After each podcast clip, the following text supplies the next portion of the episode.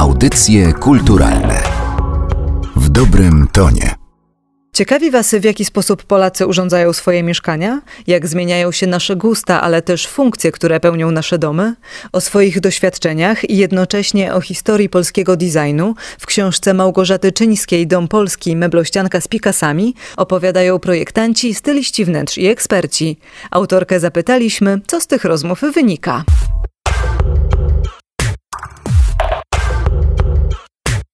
Co o pani mówi pani mieszkanie? Albo co pani chciałaby, żeby o pani mówiło? Pewnie mówi dużo. Pracując nad tą książką coraz częściej, coraz intensywniej myślałam o moim własnym domu rodzinnym przede wszystkim. Małgorzata Czyńska. Więc ta książka to też jest taki trochę ukłon w stronę wspomnień. Zresztą to też wynika z tych wszystkich rozmów z projektantami, z którymi udało mi się spotkać i o domu porozmawiać. Także i ten design, który mieliśmy w domu przed laty i to, co jest e, teraz, to czym się meblujemy, czego używamy na co dzień, czy mamy w domu książki, czy ich nie mamy, to oczywiście nas definiuje. I te Pani historie rodzinne też gdzieś tam widać we wnętrzu? Widać we wnętrzu i widać też w tej książce, bo na przykład bardzo chciałam porozmawiać z profesorem Zbigniewem Charbowym, mistrzem kolorowego szkła. Poza tym, że bardzo cenię projekty Charbowego, to jest to dla mnie e, znowu historia związana ze wspomnieniami i z moją mamą, która kolorowe szkło harbowego kupowała na prezenty dla swoich przyjaciółek, dla moich cioć, które mają teraz wspaniałe kolekcje, których bardzo im zazdroszczę. Wybierając tych rozmówców, wybrała Pani do książki takich, u których y, w mieszkaniu już Pani była, ale też takich, do których mieszkania weszła Pani pierwszy raz przy okazji pisania tej książki, prawda? Czy były jakieś zaskoczenia? Czy wyobrażała sobie Pani ich mieszkania inaczej? Ja byłam dobrze przygotowana do tej książki, powiem tak nieskromnie, bo oczywiście przeczytałam i obejrzałam materiał zdjęciowy dostępny o wszystkich moich rozmówcach.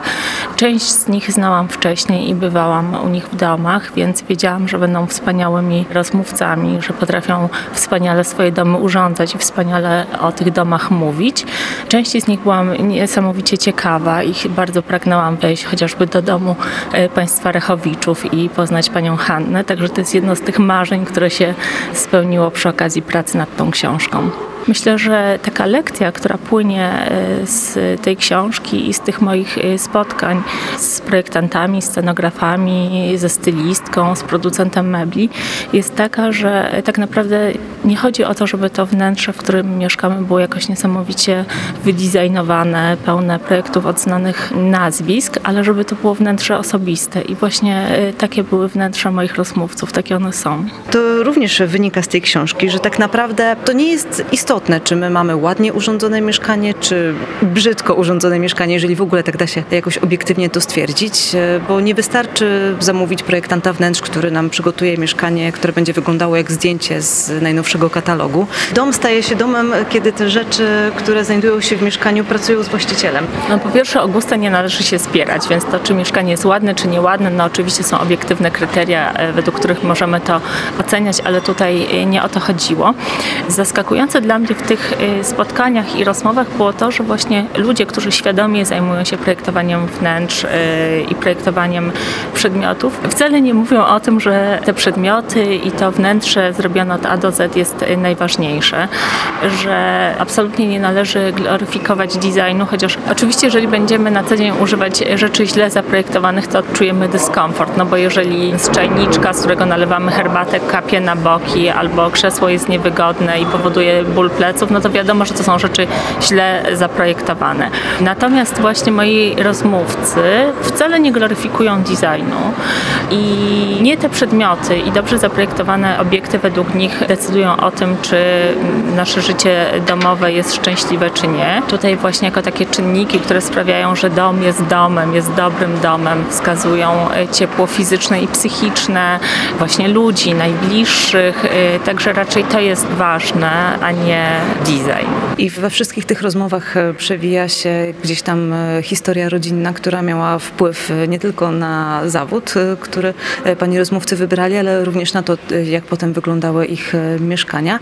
Kiedyś wchodząc do czyjegoś mieszkania, to też pojawiło się w tej książce, można było niemal od progu stwierdzić, jakie jest pochodzenie danej osoby, skąd się wywodzi, co chce tym swoim mieszkaniem pokazać i czy teraz dalej możemy się pokusić o stwierdzenie, że tak jest. No bo z książki wynika, że na pewno gdzieś tam te historie rodzinne i jakaś biografia w tym mieszkaniu będzie widoczna, ale czy dalej będzie nam tak łatwo określić, skąd ktoś może pochodzić? Te mieszkania na pewno e, wiele nam komunikują e, o ich mieszkańcach, o gospodarzach. Kiedyś to było rzeczywiście łatwiejsze. Komuna nas e, zdefiniowała tak od A do Z. Wiadomo było, że chłoporobotnik mieszkał inaczej niż inteligent.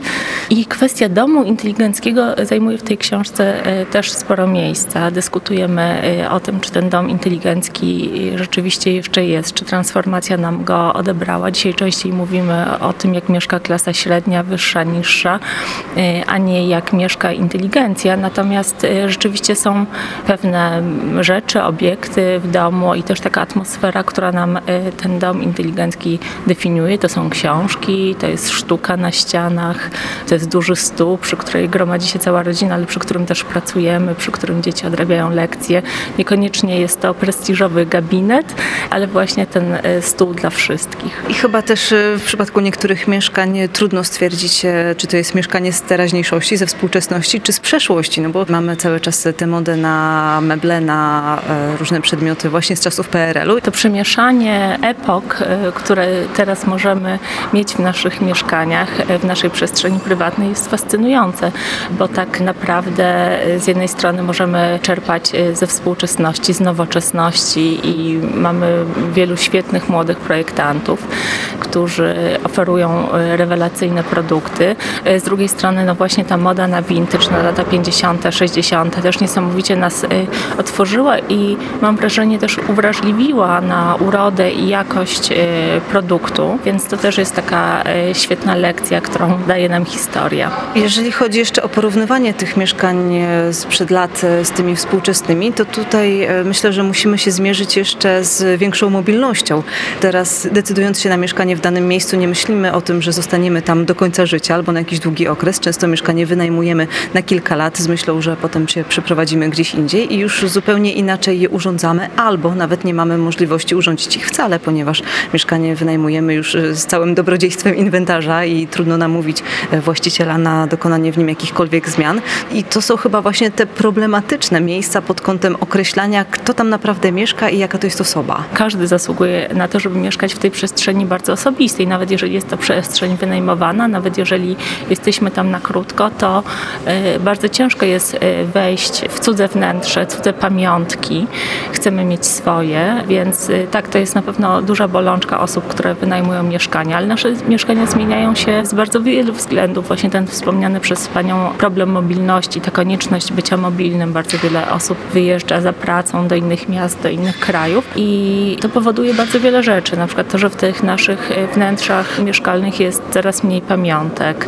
To, że właściwie e, te nasze życia i nasze wspomnienia mamy w nośnikach zewnętrznych, w pamięci zewnętrznej, w laptopie, w smartfonie i właściwie najważniejsze nagle stają się zdjęcia, filmiki, a nie te przedmioty materialne, które w gruncie rzeczy dla wielu ludzi mogą być po prostu e, balastem, taką kulą u nogi, ciężarem, e, ponieważ właśnie utrudniają to poruszanie się.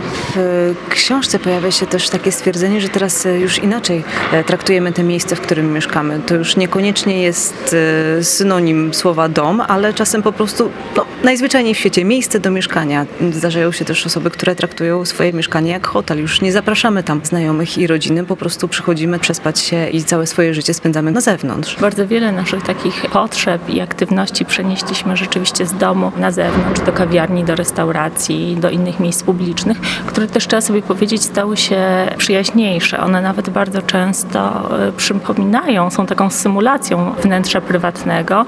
Wystarczy wspomnieć kawiarnie pełne regałów z jakimiś sfatygowanymi książkami, z fotelami z każdym y, z innej parafii, nie od kompletu. To daje nam takie wrażenie przytulności i zadomowienia. Ja zresztą pracując nad tą książką myślałam sobie, że to słowo dom jest bardzo pojemne i z rozmów z moimi wspaniałymi projektantami wynikało, że y, rzeczywiście jak myślimy dom, to nie myślimy tylko o tych czterech ścianach, które są urządzone w takim czy innym stylu.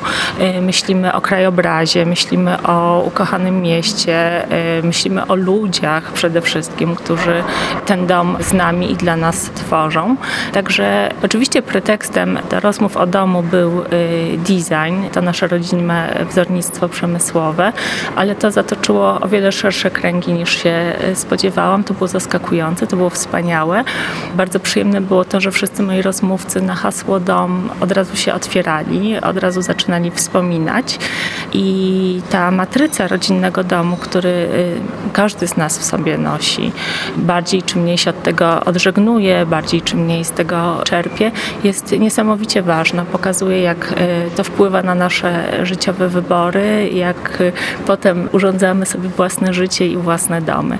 A jak będzie wyglądał polski dom i w ogóle każdy inny dom na świecie, to oczywiście jest wiele takich scenariuszy, jak to jest. Technologie mm, zmieniają nasze życie i wpływają na to, jak mieszkamy i jak się urządzamy. Nadchodzi wirtualna rzeczywistość. Być może, jak prognozują trendseterzy, no niedługo wystarczy nam pusty pokój i okulary, w których będziemy przeżywać wirtualną rzeczywistość. Ale wśród coraz popularniejszych minimalistów nie brakuje osób, które mają łącznie z meblami poniżej 100 rzeczy w ogóle w swoim życiu, więc to powoli już gdzieś tam się dzieje, tylko że na razie to są chyba takie bardzo radykalne przypadki. Na pewno tak jest. Oczywiście tych y, megatrendów społecznych y, jest y, wiele i z nich wynika to, jak mieszkamy, jak się meblujemy, jak urządzamy naszą przestrzeń, ponieważ wnętrza mieszkalne na całym świecie są coraz mniejsze, zmniejszają nam się te metraże, w związku z czym no powoli rezygnujemy z różnych mebli, które do tej pory wydawały się konieczne w domu. Nasze przyzwyczajenia, nowe technologie na to wpływają.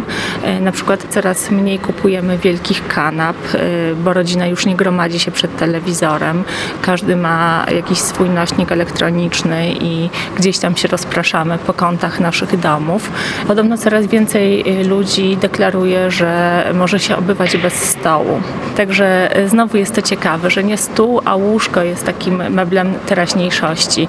Meblem teraźniejszości, meblem przyszłości jest też stołek, który właśnie w tych małych mieszkaniach może więcej. Y, może być y, stolikiem nocnym, może być y, stoliczkiem pod laptop, może być siedziskiem.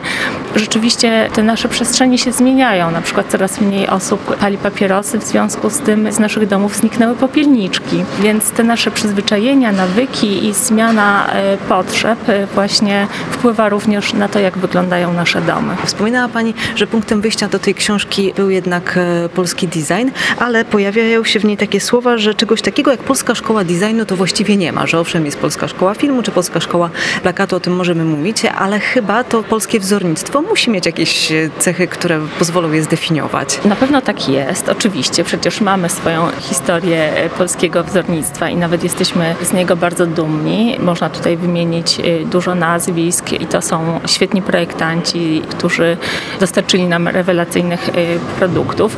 Moda na vintage cały czas nam pokazuje, jak dobre jest to polskie wzornictwo z lat 50. i 60. głównie, ale mam też świetnych młodych projektantów innowatorów, y, ludzi, którzy pracują i dla polskich, i dla y, zagranicznych firm. Myślę sobie, że nie ma polskiej szkoły designu, rzeczywiście nie ma, chociaż są pewne rzeczy, które nas definiują, jak to, że no zawsze byliśmy raczej y, biednym społeczeństwem, więc ten polski design mocno czerpał z rodzimości, z naturalnych zasobów, także tutaj drewno, szkło prasowane to są takie wyznaczniki, które jakoś tam nas definiują.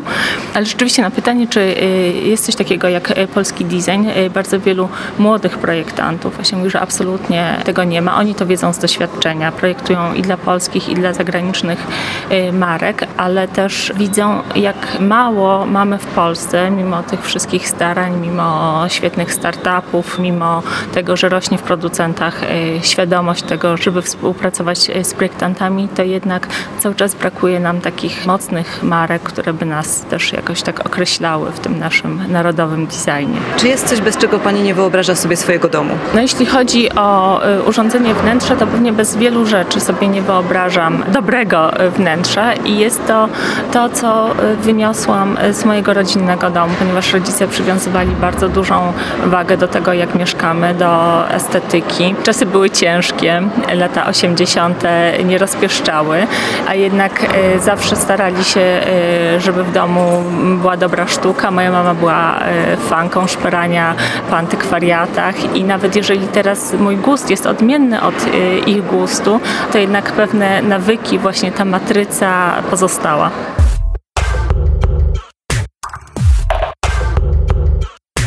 Materiał przygotowała Magdalena Miszewska. Audycje kulturalne w dobrym tonie.